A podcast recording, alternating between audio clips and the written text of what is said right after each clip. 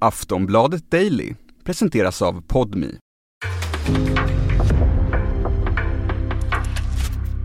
En podcast från Aftonbladet.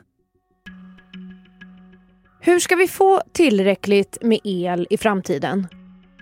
Energidebatten och kärnkraftsfrågan har blossat upp igen.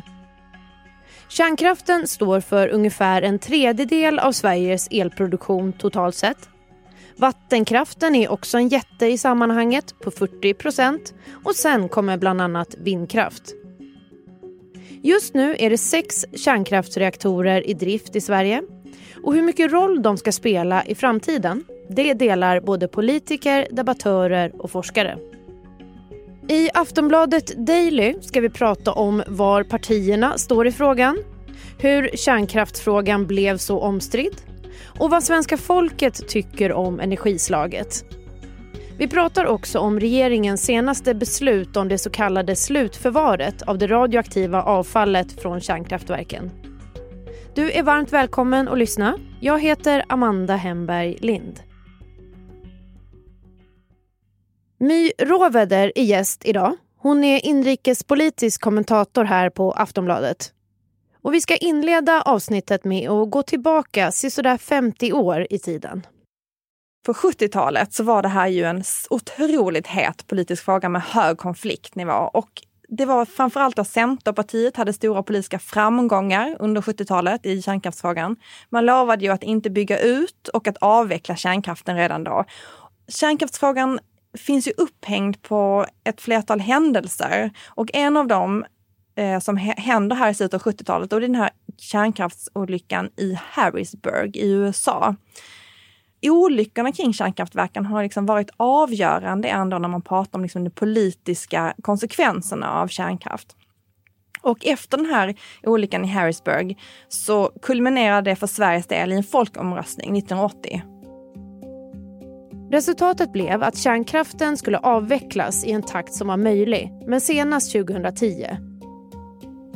Sen skedde kärnkraftsolyckan i Tjernobyl 1986.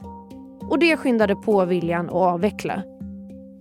Men sen, på 90-talet, så kan man säga att besluten de sköts på framtiden. 2016 slöts den så kallade energiöverenskommelsen. Tanken var att försöka överbrygga de politiska skiljelinjerna. Och det var då regeringen Löfven, S och MP, eh, tillsammans med Moderaterna, KD och Centern som ingick en överenskommelse. Och den var ju då, grunden i den var att man ville ha en omställning som skulle nå 100% förnybar elproduktion till 2040 sen då i den här debatten så har det ju tolkats som att det skulle betyda att man skulle avveckla kärnkraften fram tills dess. Men det finns egentligen inte några sådana besked i den här överenskommelsen. Utan istället så slog man ju fast att begränsningarna, eller de begränsningar man slog fast var att man fick inte bygga ny kärnkraft eh, på de platser där det inte hade funnits kärnkraft tidigare. Så man får alltså bygga reaktorer på de platser där det har funnits.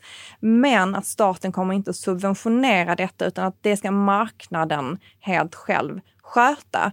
Och budskapet från marknaden har ju varit att det inte är eh, det är inte liksom ekonomiskt hållbart att bygga ny storskalig kärnkraft. För det är det vi har nu. Vi har storskalig kärnkraft, alltså stora kärnkraftverk. Eh, och när det här liksom ingicks så blev det lugnt i den här debatten. Många andades ut för det var en konfliktfylld fråga, men det fanns en person som var besviken. Eh, och det var SOM-institutet, Sören Holmberg i i, eh, på Göteborgs universitet. För han har, hade då under väldigt många år fått mäta kärnkraftsopinionen i Sverige. Och när man ingick den här överenskommelsen och det blev liksom lite fred så så, vill man liksom sluta mäta det här. Det blev så otroligt stabilt. Det låg liksom på samma nivåer i vad folket tyckte om opinionen. Så nu då, vad tycker svenska folket om kärnkraft? Ja, men enligt SOM-institutets mätningar då, så ligger opinionen ganska stabilt mellan 30 och 40 procent. Och frågan är då, Eh, att man vill avveckla kärnkraften men utnyttja de kärnkraftsreaktorer som vi, som vi eh, har tills att de har tjänat ut. Men då i de senaste mätningarna så har man sett en trend eh, som visar på att svenska folket är mer vänligt inställt till kärnkraften än de har varit tidigare. Det är alltså färre som vill avveckla kärnkraften och fler som ser möjligheten att bygga ut kärnkraften. Så det finns liksom en tydlig glidning där i hur man ser på kärnkraftsfrågan. Nu blir det en kort paus med ett sponsormeddelande. Hos Podmi kan du lyssna på flera populära true crime podcasts helt utan reklam. Till exempel Svenska mordhistorier. Hon har nästan torkat upp blodet när hon upptäcker att altandörren står öppen. Och när hon blickar ut över trädgården ser hon kroppen. Först nu inser hon att något fruktansvärt har hänt. Som ny kund hos Podmi får du de första 14 dagarna gratis. Då är Aftonbladet Daily tillbaka. Det var alltså ett gäng partier som ville komma överens om hur Sverige ska göra med energin. Men den skaran den höll inte ihop länge. Vi ska höra inrikespolitiska kommentatorn My Råveder igen. När det här kärnkraftsbråket, eller vad man ska säga, liksom blossade upp igen. Eh, KD det som hände var ju att Ebba Busch hände. KD hoppade ju av energiöverenskommelsen, vilket ledde till att flera andra partier hoppade av, så att den finns ju då inte längre. Liberalerna hade ju redan hoppat av från början som vanligt, så att de var inte ens med från början, eller de var liksom inte med i överenskommelsen. Eh, på grund, mycket på grund av kärnkraftsfrågan, där de ju är väldigt kärnkraftsvänliga. Förnybart eller fossilfritt, det är ju brännande ord i den här debatten. Hur gick det till när ett av riksdagens partier valde ord här? De som följer den här debatten eh, kanske hajade till när jag sa så att det stod att man skulle ha förnybar eh, Eh, energi. Det stod i den här överenskommelsen, för det har ju varit någonting som Moderaterna har riktat in sig på de senaste åren. Att de vill byta ut den här skrivelsen till fossilfri energi. För då skulle liksom kärnkraften, tycker de, då inkluderas mer i att finnas i förny, fossilfritt, men då kanske inte förnybart. Och det var ju också anledningen till att de sen också lämnade energiöverenskommelsen. Att man tyckte att man ville ha den här skrivelsen eller så lämnade de och så lämnade de. Så 2019, för ganska exakt två år sedan, så i december så, liksom, så var den här energiöverenskommelsen, ja men då var den, den var död helt enkelt. Och nu då? Vad står alla partier nu? Ja, alltså jag vill... Vad vill man framåt? Ja, men en, en del i det här också, om vi bara pratar lite kort om de här med mätningarna, det är ju att man de senaste åren med den här debatten har sett en trend, ett trendbrott också. Att det är, man är mer vänligt inställd till kärnkraft i Sverige än man har varit tidigare. Det har, liksom, det har varit väldigt stabilt, och har liksom minskat, intresset för kärnkraft har minskat och plötsligt nu har man sett ett skifte. Så SOM-institutet är ju glada för att de får fortsätta mäta. Eh, och den här oppositionen då, som den kärnkraftsvänliga oppositionen, de är glada för att de vet att här finns liksom en politisk poäng att ta. För det finns två ganska tydliga block, eh, partipolitiska block i kärnkraftsfrågan. Det är då Moderaterna, Kristdemokraterna, Liberalerna och Sverigedemokraterna. De vill ha mer kärnkraft. Alltså de är då kritiska till de här två Ringhalsreaktorerna, att de stängdes ner. Eh, sen så stängdes de ju inte av politiska skäl, utan de stängdes ju för att det inte var lönsamt att rusta upp dem för att fortsätta att driva dem. Eh, men den här sidan pratar också väldigt mycket om nästa generations kärnkraft. Eh, och det är då att man ska bygga, forska och bygga så mindre reaktorer. Små gulliga flyttbara reaktorer. Brukar man beskriva dem som ibland, men, men det handlar liksom om att man inte ska göra den här storskaliga kärnkrafts, eh, kärnkraften som vi har nu, då, de här enorma reaktorerna. Eh, Socialdemokraterna är väl någonstans lite mitt emellan. Alltså de är inte emot kärnkraft, men de är inte heller för att liksom skala upp eller bygga en massa ny kärnkraft. Eh, Centerpartiet ja, har ju sin, i sitt DNA den här frågan. De är ju då, de tycker att marknaden ska fasa ut kärnkraften till 2040, det som stod i energiöverenskommelsen, liksom slutmålet där. Men att man inte ska använda politiken för att stänga ner, men de vill ju fasa ut kärnkraft. Och det vill Vänsterpartiet och Miljöpartiet ju också. Eh, att man ska göra det och man liksom ska aktivt försöka fasa ut den. Så det finns två ganska tydliga block ändå här i liksom kärnkraftsfrågan. Nu idag när vi spelar in det här på onsdagen så kom det ett eh, beslut som ju handlar om förvaring av kärnavfallet från kärnkraftverken. Vi kan lyssna på det här. Så planerar nu regeringen att fatta beslut om slutförvaret av kärnbränsle den 27 januari.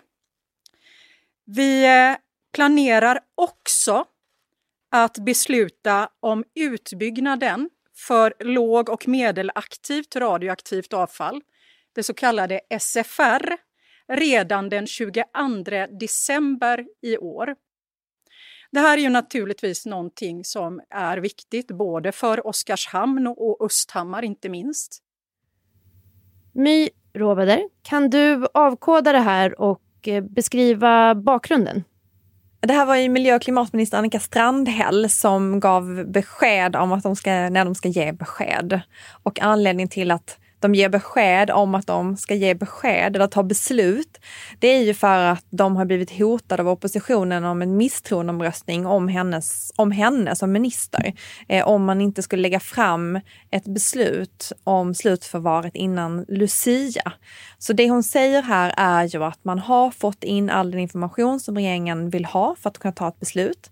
Man håller på att skriva fram det här beslutet och att det ska då tas den 27 januari. Och anledningen till det är då att det krävs en viss eh, en period på 30 dagar, en administrativ period på 30 dagar innan man kan ta det här beskedet för att man ska, om man ska göra det formellt liksom helt riktigt.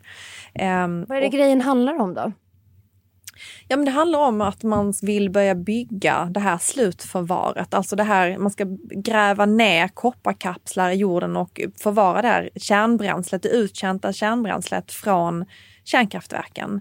Och de finns ju en mellanlagringsfacilitet just nu och det tog man ju besked i augusti. Det nämndes också på den här presskonferensen ju, eh, om att utöka det för att det nästan är fullt.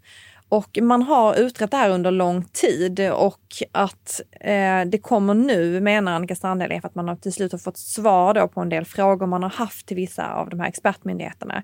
Eh, och nu har man då allting. Hon vill ju inte heller säga vad beslutet kommer att bli. Så det vet vi inte. Vi vet bara att ett beslut kommer om slutförvaret. Och det är viktigt då för kärnkraftens framtid, eller? Det är viktigt för att vi har inget slutförvar. Eh, det finns liksom inget tryggt en, en trygg plats som man kan förvara det här kärnbränslet på än så länge. Och man har ju liksom forskat och man har undersökt det här under många, många år. Det här är en lång process. Eh, så att det är ju ett besked även till branschen som branschen har efterfrågat. Liksom, vad ska vi göra? När ska vi kunna fortsätta den här processen? Och är det liksom är det det här slutförvaret? Är det det grejen? Är det det vi ska fortsätta att göra nu? Så att det är väl det vi kommer att få veta då i slutet av januari. Hon kommenterade också det här med misstroende omröstningen. Att det är upp till de partierna nu, det är Liberalerna och Kristdemokraterna i riksdagen att besluta sig för vad de vill göra. Alltså om man ändå gör ett misstroende, trots att man har sagt att man ska komma, komma liksom med ett besked, ett beslut då i januari. Eh, eller om man liksom väntar då. För att avsluta någonstans där vi började kan man säga. Jag undrar varför inte politikerna kan bestämma tillsammans. Så här ska Sverige få sin energi i framtiden. Ja, men dels för att det finns ganska låsta politiska positioner och dels för att så här, det här är en fråga, det finns liksom inget politiskt intresse att komma överens när det är en fråga där man liksom kan tydliggöra konflikter. Eh, och att kompromissen, som man ju ändå tyckte kanske att man nådde med den här energiöverenskommelsen, den är liksom för svår att göra. Kompromissen mellan man ska avveckla omedelbart och direkt eh, och kompromissen att vi ska utveckla nya generationers kärnkraft. Alltså det, det, är ju otroligt svårt att mötas i det. Det är två helt oförenliga liksom, eh, syner på vad kärnkraften betyder och hur viktig den är i, liksom, i svensk politik och för svensk energi, eh, energiförsörjning. Så att nej, man, man, kom, man kommer inte komma överens. Inte ens med lite parterapi skulle det funka. Sist här hörde du My Råveder, inrikespolitisk kommentator här på Aftonbladet. Jag heter Amanda Hemberg Lind och vill tacka dig för att du har lyssnat på nyhetspodden Aftonbladet Daily. Prenumerera gärna på oss i din poddspelare. Vi hörs. Hej då. Du har lyssnat på en podcast från Aftonbladet. Ansvarig utgivare är Lena K Samuelsson.